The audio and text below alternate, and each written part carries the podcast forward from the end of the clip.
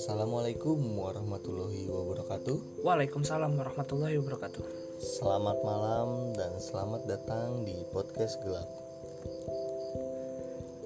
Pada malam hari ini masih bersama gue Putra dan sekarang gue juga nggak sendiri. Gue ditemani oleh teman gue yaitu Sony. Hai. Dia salah satu kawan gelap yang notabene benar-benar gelap. Mulai dari aura, dari semuanya sampai masa depannya juga udah gelap lah pokoknya ya. Makasih banyak loh, Pak. Oke buat kawan-kawan gelap semua, kayaknya di episode kali ini akan sedikit berbeda ya Hmm, pembahasan kita. Jadi gue dapet DM dari salah satu kawan gelap. Dia nggak mau disebut namanya, dia jadi DM gue gini.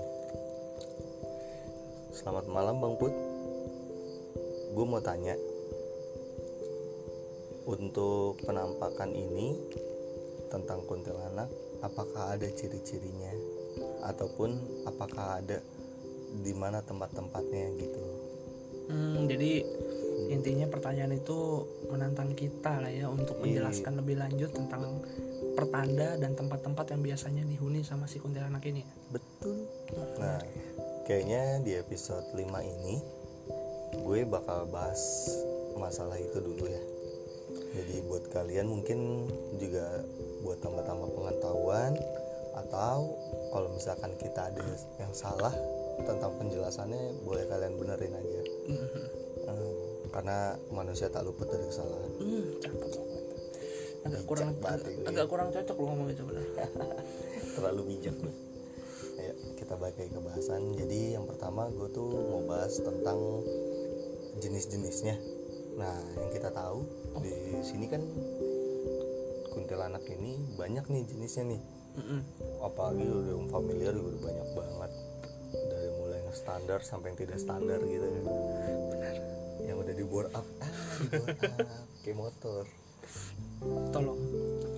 Anda podcast horor, podcast horor aja. Iya, Jangan jangan melucu karena kurang. ya gitulah bangsat dia mah eh, maaf aduh balik lagi balik lagi Oke oke. jadi anjing emang aduh sam- aduh sorry sorry Oke, oke, oke, oke.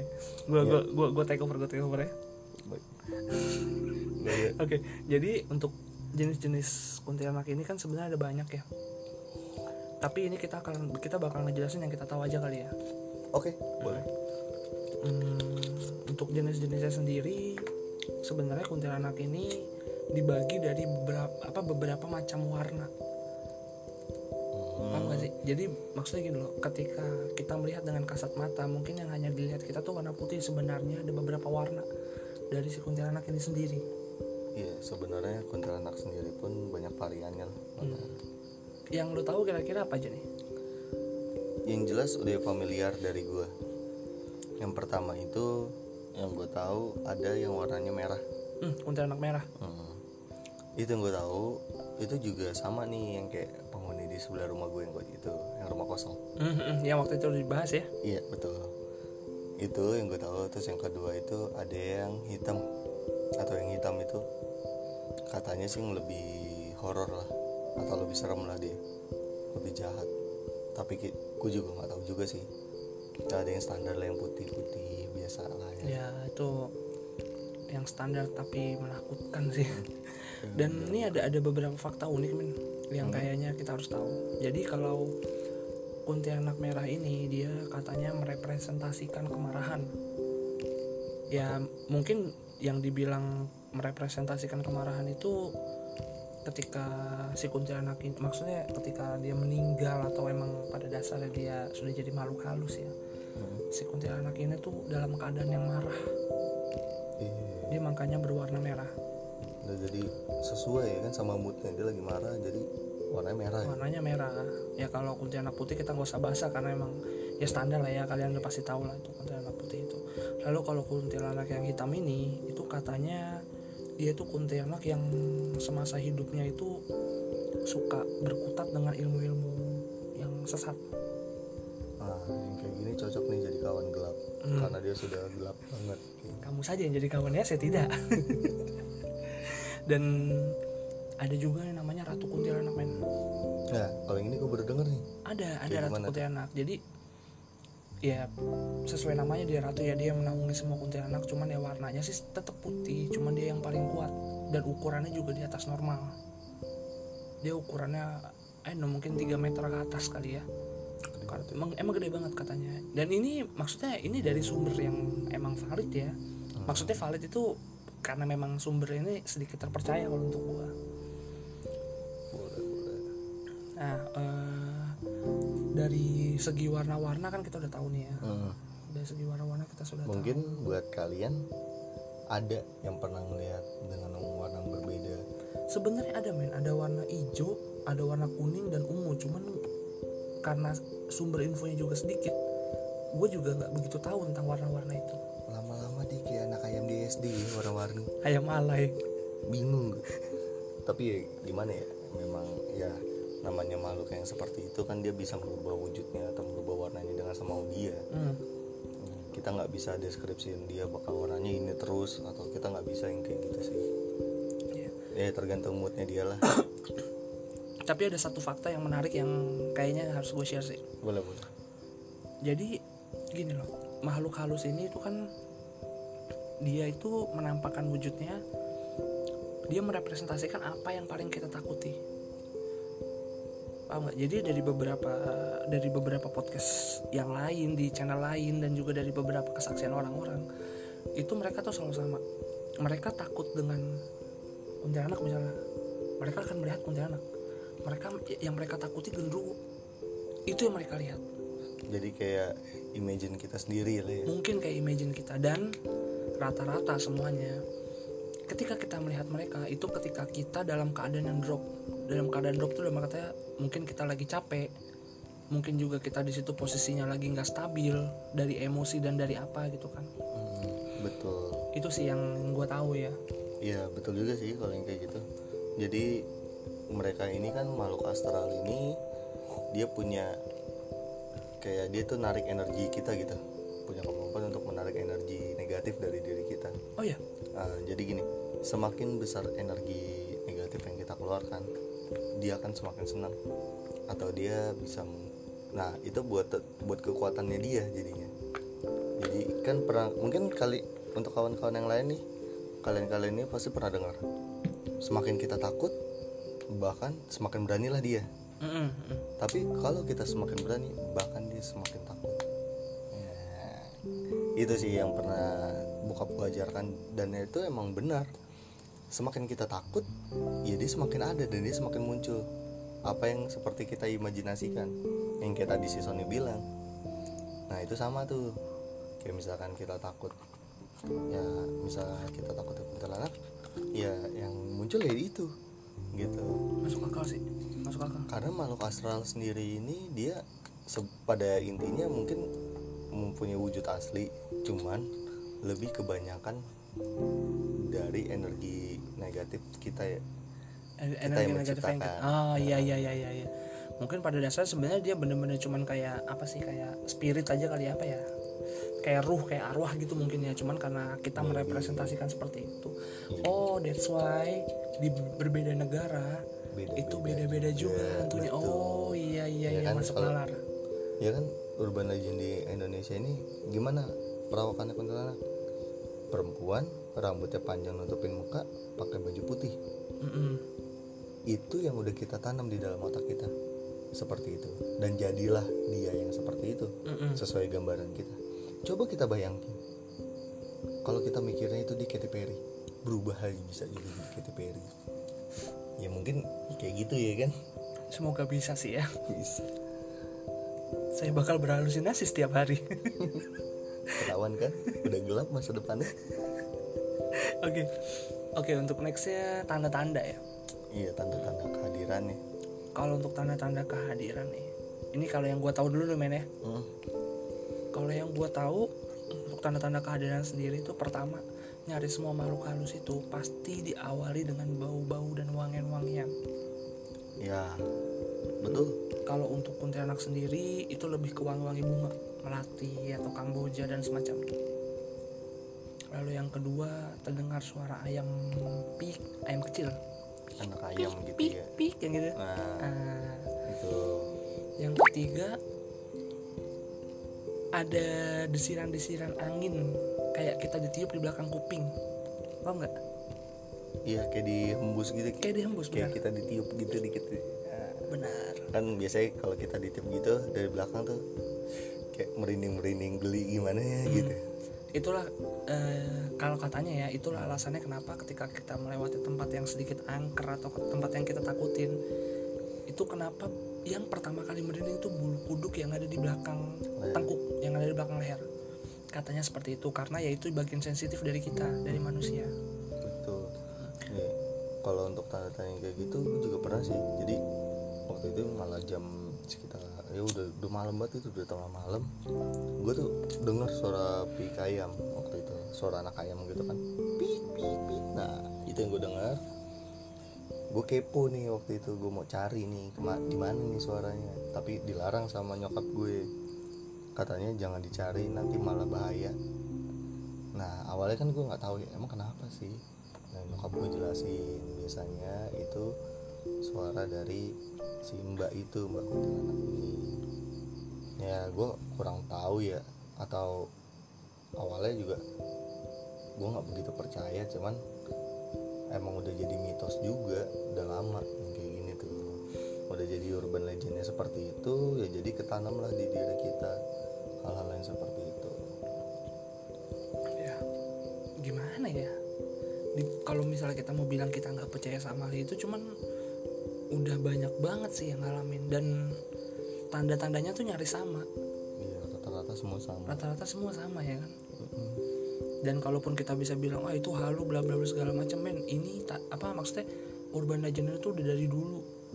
Ya kan? Dan tanda-tandanya juga dari dulu bagaimana caranya mereka saling berkomunikasi satu sama lain sehingga di berbagai tempat yang ada di Indonesia itu bisa sama loh perwujudannya dan tanda-tandanya. Iya, itulah yang udah ditanamin sama orang dulu di otak kita.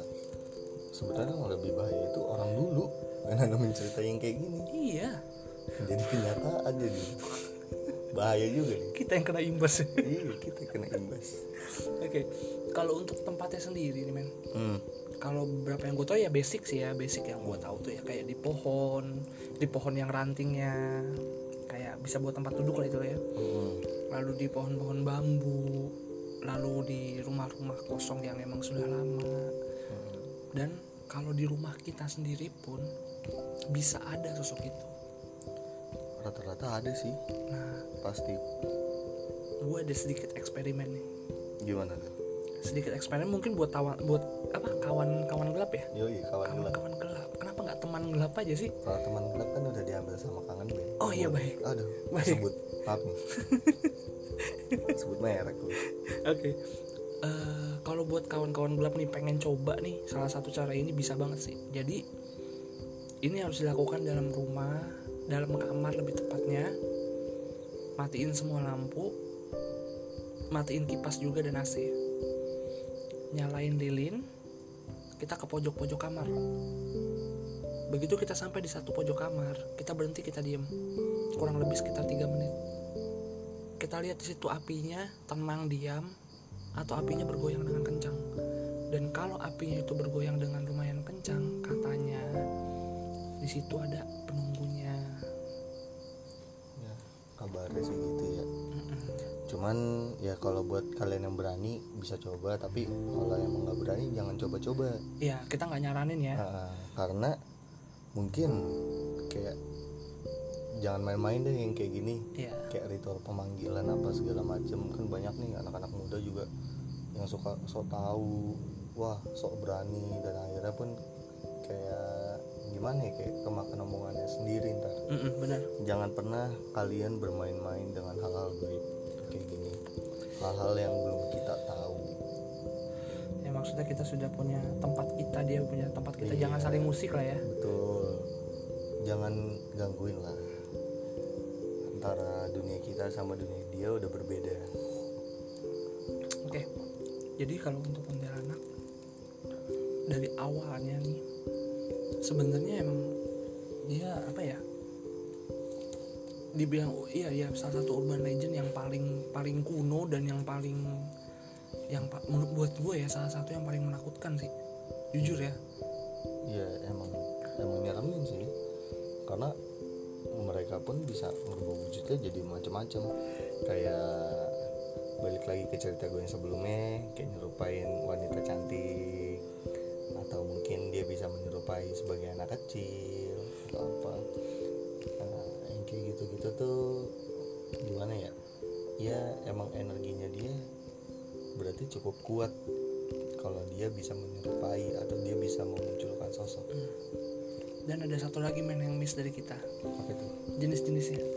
Jenis-jenisnya? Oh banyak nih jenis-jenis yang ini menurut gue yang aduh jadi momok sih sebenarnya. Betul.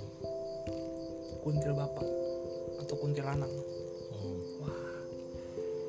Kuntilanak tapi cewek. Laki. Eh iya cowok maaf. Iya, laki. Kalau kuntilanak emang perempuan? Pak? iya maaf nih nah ini ada yang laki. Nah buat kalian yang nggak pernah dengar atau nggak tahu jadi gini. Untuk kuntilanak laki ini dia perawakannya hampir sama persis. Bajunya putih juga rambutnya juga panjang. Cuma dari segi ketawanya yang berbeda ketawanya nih laki banget nih. Hmm, hmm. cuman melengking parah. Dan kenapa gue bisa tahu? Ya baik lagi. Ini cerita dari bokap gue. Jadi gini bokap gue juga kan dia salah satu orang yang punya kemampuan lah punya kemampuan khusus atau diberi kemampuan khusus. Jadi sehingga dia bisa tahu hal-hal yang seperti itu. Dan yang ini sih yang nyeremin itu buat kalian para kawan gelap ini kalian laki-laki kalau sampai ketemu yang seperti itu nah mohon maaf nih maaf banget. Pegangin tuh bijinya. Wah, kenapa emang? Nah yang gue tahu atau yang gue dengar dengar cerita yang kayak kuntil anak laki ini atau kuntil bapak ini dia nyerang bagian vital pria men. Itu yang bahaya. Biasanya adanya tuh di apa ya rimunan rimbunan pohon bambu gitu dia. Aduh Nah mungkin kalian banyak kali yang pernah dengar ada kalau misalkan tengah malam kalian lewat di antara pohon bambu terus ada bambu yang tiba-tiba rebah Mhm, atau menghalangi jalan jangan sekali-kali kalian langkahin. Karena begitu pas kalian langkahin itu dia bakal naik ke atas gitu. Dan kena alat vital kita. Si otong ini kena alat vital. Kan sumpah gue merinding. Nah nggak bohong gue gitu sih. Karena teman bokap gue ada yang pernah meninggal namanya nggak usah gue sebut ya gue tahu orangnya. Dia meninggal gara-gara itu. Gimana ya? Karena yang pertama emang asing. Pasti juga di beberapa dari kawan gelap juga ada yang nggak tahu tentang kuntil bapak atau kuntil anak ini. Gue gue sendiri gue tahu tapi gue nggak tahu men kalau ternyata dia tuh bakal nyerang alat vital gitu kan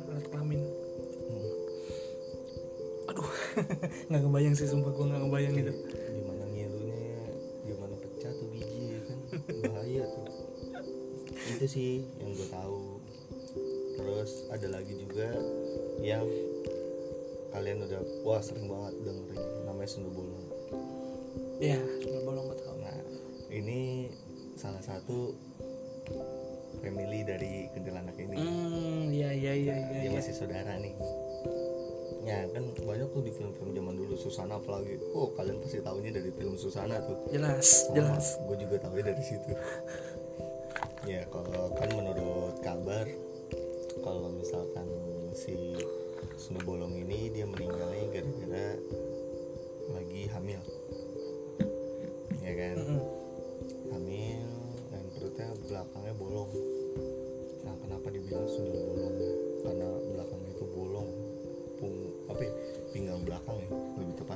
iyalah itu bukan pinggang ya. bukan punggung kan pinggang belakang itu bolong. Eh ngebayangin dah serem lah itu. Nah mungkin nanti nextnya kita bakal ngebahas satu space acara spesial tentang cerita-cerita yang ngebahas tentang dia lagi kali ya. Penampakan yang nyata tapi. Penampakan yang nyatanya boleh jadi buat kawan-kawan gelap nih kalau misalnya ada satu pengalaman khusus yang ngebahas tentang si ta- kuntilanak ini nih bisa di share ke kita ya iya share aja langsung ke DM IG gue aja. Hmm? di mana nih? IG-nya di @putraaditya kalian boleh DM ke IG pribadi gue di situ. Gue bakal welcome banget sama kalian. Yang mau share ceritanya tentang kuntilanak ini. Dan nanti kalau mungkin kalau misalnya ada kawan gelap yang pengen cerita langsung bisa juga kali ya DM ya untuk Iya. ketemu langsung kita ya. Boleh. Nanti datang ke basecamp gue aja kebetulan basecamp gue ada di daerah Depok. Nah, kalian bisa mampir dari itu ke Depok. Oke. Oke mungkin penjelasan malam hari ini atau episode malam ini cukup sekian dulu. Gue juga nggak begitu bisa sharing banyak tentang masalah konten anak ini karena agak sedikit sensitif. Gue takutnya begitu pas gue sharing doi ada. Itu yang bahaya sih. Yang ada gue kabur ntar oke sekian untuk semuanya. Gue Putra gue undur diri. Hai gue juga Sony undur diri dulu. Selamat malam buat semua sobat gelap